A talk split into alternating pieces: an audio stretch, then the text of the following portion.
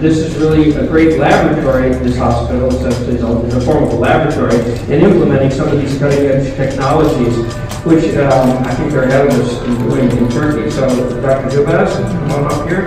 He's going to speak on, again, use precision medicine in addiction treatment.